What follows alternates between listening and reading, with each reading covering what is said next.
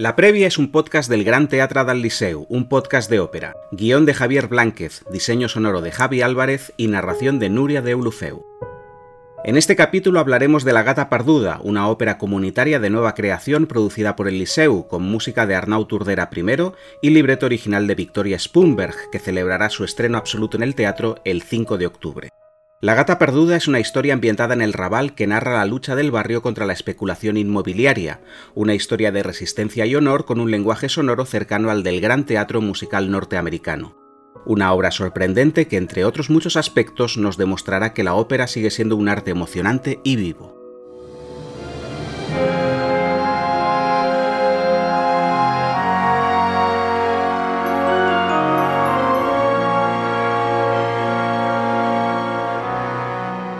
Las cosas más estimulantes que le pueden ocurrir a un teatro de ópera es producir y estrenar obras nuevas. Lógicamente, las temporadas anuales en cualquier institución dedicada a la ópera se sostienen en los grandes títulos históricos del repertorio, pero este es un arte que sigue teniendo un valor y un significado muy importante en la actualidad. Y la mejor manera de reforzar esta idea es facilitar los medios para que la nueva creación pueda ir más allá de los sueños de compositores, libretistas y directores de escena, para así terminar llegando finalmente a los escenarios.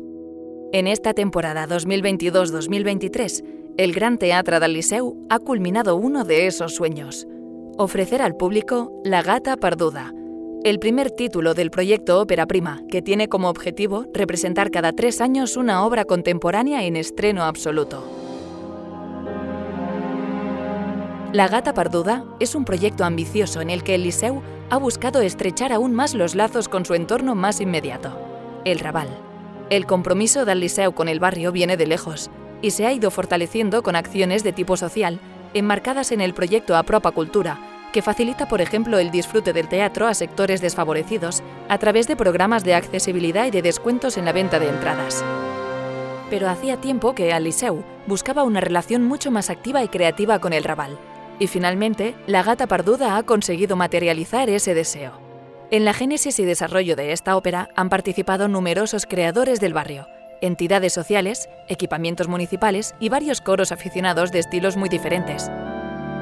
Estamos ante una ópera que surge de la calle, que encarna el espíritu multicultural, solidario y vibrante del barrio, que se eleva a partir de ahí como una excitante pieza de música contemporánea para todos los públicos. La gata parduda es puro rabal. La historia recoge la energía comunitaria del barrio, su afán de lucha contra la gentrificación y la especulación inmobiliaria, la fuerza de la unión de la gente humilde contra las fuerzas del capital, que siempre buscan una transformación urbanística que no tiene en cuenta a las personas. La creadora del libreto original, la dramaturga Victoria Spunberg, se sumergió en la vida del Raval antes de comenzar la escritura de la historia se entrevistó con numerosos vecinos y activistas históricos para comprender el espíritu del barrio y su historia. Uno de sus deseos era presentar un Raval vivo, en movimiento y en clave positiva, huyendo de la imagen conflictiva que suele rodearlo en las noticias, para así destacar su energía transformadora. En el mismo sentido, el compositor de la partitura, Arnau Turdera I, también se sumergió en el sonido único del Raval. Sobre la música de la gata parduda, Javier nos aporta más información. La coloratura. La coloratura. La gata parduda aún no se ha estrenado y eso hace que haya una pregunta que no tiene una respuesta precisa. ¿Cómo es esta ópera? ¿Cómo suena? ¿Cuál es su estilo? ¿Y cómo encaja en la historia en marcha del género en el siglo XXI? La verdad es que hasta que no baje el telón en el primer día de representación no podremos solucionar esas dudas. Una ópera solo está completa cuando todas las piezas del engranaje se han puesto en marcha y hemos visto y escuchado el resultado final al completo, con la participación de todos los elementos, desde el coro y los cantantes a los detalles de la puesta en escena. Sin embargo, ante la necesidad curiosa de saber cómo suena la gata parduda, sí podemos dar alguna información. De hecho, la música que está sonando en este podcast es una primera versión de trabajo que nos ha aportado el compositor, una muestra digital de lo que una vez en directo tocará la orquesta del Liceu al completo.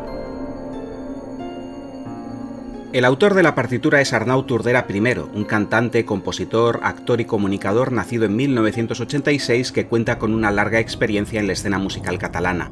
Durante más de una década, Turdera ha combinado dos lenguajes en su trabajo, uno más cercano a la tradición clásica, que le ha llevado a colaborar en producciones dramáticas y en programas sinfónicos aportando música original, y otro mucho más lúdico que le ha llevado a formar grupos de pop rock con un punto extravagante y teatral, como el que actualmente lidera Uvesas. En el material de Uvesa se puede apreciar que Tordera es un compositor heterodoxo que toma elementos del cabaret, el musical, el glam rock y el rock progresivo, siempre con un sentido del humor muy ácido. Ese mismo eclecticismo es el que encontraremos en la música de La Gata Parduda, una pieza dividida en cinco actos y de algo más de dos horas de duración que cuenta con pasajes orquestales dinámicos y arreglos que dan una sensación constante de misterio y nocturnidad. Turdera bebe sobre todo de las fuentes del teatro musical norteamericano, lo que significa que su lenguaje es tonal, adecuado para encajar melodías pegadizas y coros imponentes, y lo suficientemente elástico como para sumar matices que recuerdan a diferentes géneros de la música popular, del rock a las bandas sonoras de películas de Hollywood pasando por los ritmos latinos. De hecho, cuando escuchemos la música de la gata parduda, es posible que rápidamente nos vengan a la cabeza algunos nombres como Danny Elfman, Kurt Weill, Jerome Kern, Leonard Bernstein o Andrew Lloyd Webber. Pero también afloran matices propios del Raval, momentos rumberos, algo de punk furioso, varios momentos de hip hop callejero, sobre todo en el segundo acto, que es el más trepidante de la gata parduda. La primera incursión en la ópera de Arnaud Turdera I fue Bardagué, Hombras y Madushas, una ópera rock de 2017 que trataba sobre la vida y la obra del poeta catalán Jacint Bardagué. En aquel caso el elemento rock era central en la estética de la obra, mientras que en La gata parduda lo esencial es la elasticidad orquestal de la pieza, en la que se combinan una historia sólida con el lenguaje destellante de los clásicos de Broadway. ¿Quiere esto decir que La gata parduda es un musical? No exactamente, realmente es una ópera, pues hay un leitmotiv muy reconocible que le da unidad a toda la partitura y todas las partes vocales están escritas para registros líricos, pero a la vez la gata perduda quiere celebrar el estilo popular accesible y estimulante que recorre buena parte del teatro musical de los últimos 100 años. Y todo ello al servicio de una historia mágica, misteriosa y con un mensaje emancipador que ha escrito Victoria Spunberg, una dramaturga con una larga experiencia de dos décadas escribiendo para el teatro y que ha abordado aquí su primer libreto operístico.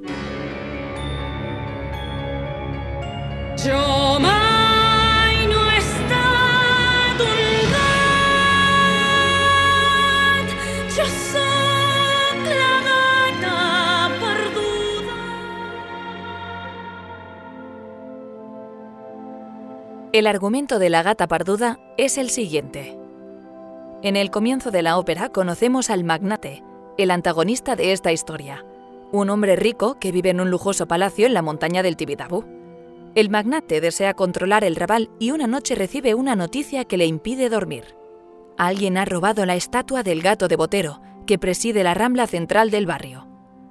A través de su secretario acuden a su mansión tres especialistas en arte, una arquitecta, una curadora y un detective.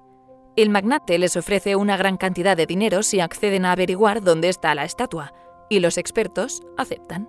Mientras tanto, el secretario empieza a sospechar que su jefe esconde alguna motivación secreta. En el segundo acto, observamos cómo amanece en el Raval. Los tres investigadores contratados por el magnate comienzan su búsqueda del gato de Botero, pero no hay apenas pistas. El detective localiza una esfera de bronce y sospechando que puede tener relación con la escultura, la roba. Un grupo de residentes del barrio al advertir el hurto va tras él. Lo mismo ocurre con la curadora y la arquitecta. Ambas localizan piezas de metal, se quedan con ellas y un grupo de vecinos las persigue. A esto hay que sumar una cuarta persecución, la del secretario del magnate, que es un vecino del Raval y esa misma mañana también merodea por las calles. Mientras compra marihuana a un camello, llega la policía y tiene que salir corriendo. Todos los personajes consiguen escapar de sus perseguidores y mientras tanto se hace de noche en el Raval. La curadora es la primera en encontrar una pista. En un local iluminado se encuentra con el ministro del Raval, un personaje mágico que le comunica un mensaje extraño. Existe lo que se ve y lo que no se ve. Durante esa noche, todos los personajes tienen sueños inquietantes en los que el Raval aparece degradado y destruido por la especulación, y en los que se les aparece una sombra siniestra. En ese momento, el secretario tiene una revelación y decide alertar a los vecinos. Ha comprendido cuáles son las intenciones del magnate y tras un intenso debate consigue que todos asuman la gravedad de la situación. Los vecinos deciden irrumpir en la mansión. Allí están reunidos el magnate y los tres investigadores, que no han conseguido localizar la estatua. Cuando llega el secretario con la gente del Raval, este encuentra una manera poco ortodoxa para forzar que el magnate confiese sus planes le ofrece marihuana y este comienza a hablar. El magnate reconoce que ha ordenado robar la estatua, que la ha vendido a un jeque árabe y que con el dinero aspira a financiar su campaña para ser presidente del Barça. A través de ese poder multiplicado, comprará el barrio entero y construirá casinos y un nuevo estadio de fútbol. A la vez, el magnate expresa su anhelo más oculto. Desea sexualmente al secretario, que lo rechaza con repugnancia. El magnate dispara al secretario y lo mata.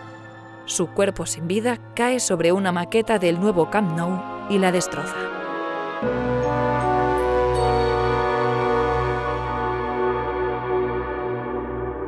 En el acto final, se celebra el funeral del secretario en el Raval.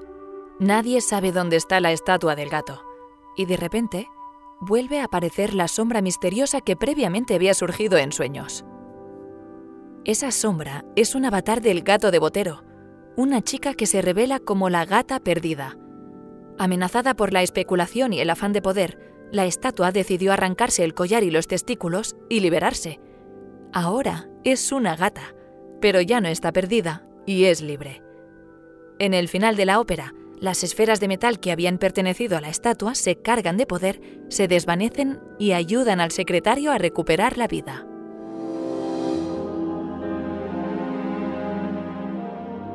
el equipo artístico de La Gata Parduda reúne a una enorme variedad de talento del Raval, sumando a profesionales en diferentes áreas, estudiantes de las escuelas de música y la colaboración activa de numerosas entidades del barrio. Del compositor Arnau Turdera I y de la libretista Victoria Spumberg ya os hemos hablado, pero hay muchos más nombres cruciales que harán que la ópera sea una realidad. En las dos funciones proyectadas para los días 5 y 7 de octubre, contaremos con la dirección musical de Alfons Rabarté, que asumirá el reto de dirigir a la Orquestra Sinfónica del Centre Superior del Conservatori del Liceu, ubicado en el Raval, y una banda de alumnos del Taller de Músics. Además, Rabarté dirigirá a todos los intérpretes que pasarán por el escenario, un elenco mixto formado por cantantes profesionales y semiprofesionales. En los papeles principales tendremos al barítono Power Mangol, que cantará la parte del magnate, y al tenor Joan Saez, que encarnará al secretario. Los papeles de la curadora, el detective y la arquitecta los cantarán la mezzosoprano Marta Infante, el tenor Albert Casals y la soprano Rocío Martínez. Y el papel de la gata, que está escrito para una voz pop, la cantará Dayan Nico, una joven estrella emergente del Raval. Además, en la producción participarán varios coros amateurs del barrio coordinados por Cristina Colomé, la agrupación cural y recreativa Las Flors de Maig, el cor de dones de Xanfrà, Trencacors o Dona Gospel, entre muchos otros. Esto no solo reforzará la voluntad comunitaria de la ópera, sino que aportará un genuino color local a la música. El otro gran punto fuerte de La Gata Parduda es la dirección de escena, de la que se encargará Ricard Sulé Mallol, asistido por Adrià Pinar en la escenografía, Montse Amanos en el diseño de vestuario y Touchen Manet en la coordinación de las diferentes coreografías. La escena de La Gata Parduda será una sorpresa, y no la vamos a desvelar por completo, pero sí podemos dar algunas pistas. En el suelo del escenario podrá verse un mapa del Raval pintado por grafiteros del barrio, y la acción se dividirá en dos espacios. En el fondo se situarán los coros, mientras que el centro del escenario será para los cantantes, que podrán estar colgados en el aire o desplazándose de manera normal, dependiendo de las necesidades de la acción. El momento más emblemático en todo caso llegará al final, el quinto acto estará protagonizado por una gran comparsa que recorrerá este rabal imaginario y presentará la nueva versión de la escultura de Botero, transformada en gata emancipada, tan libre como el barrio que lucha por su supervivencia. Un final épico y exultante para una ópera que ahora llega a su momento decisivo y que esperamos que os llene de felicidad.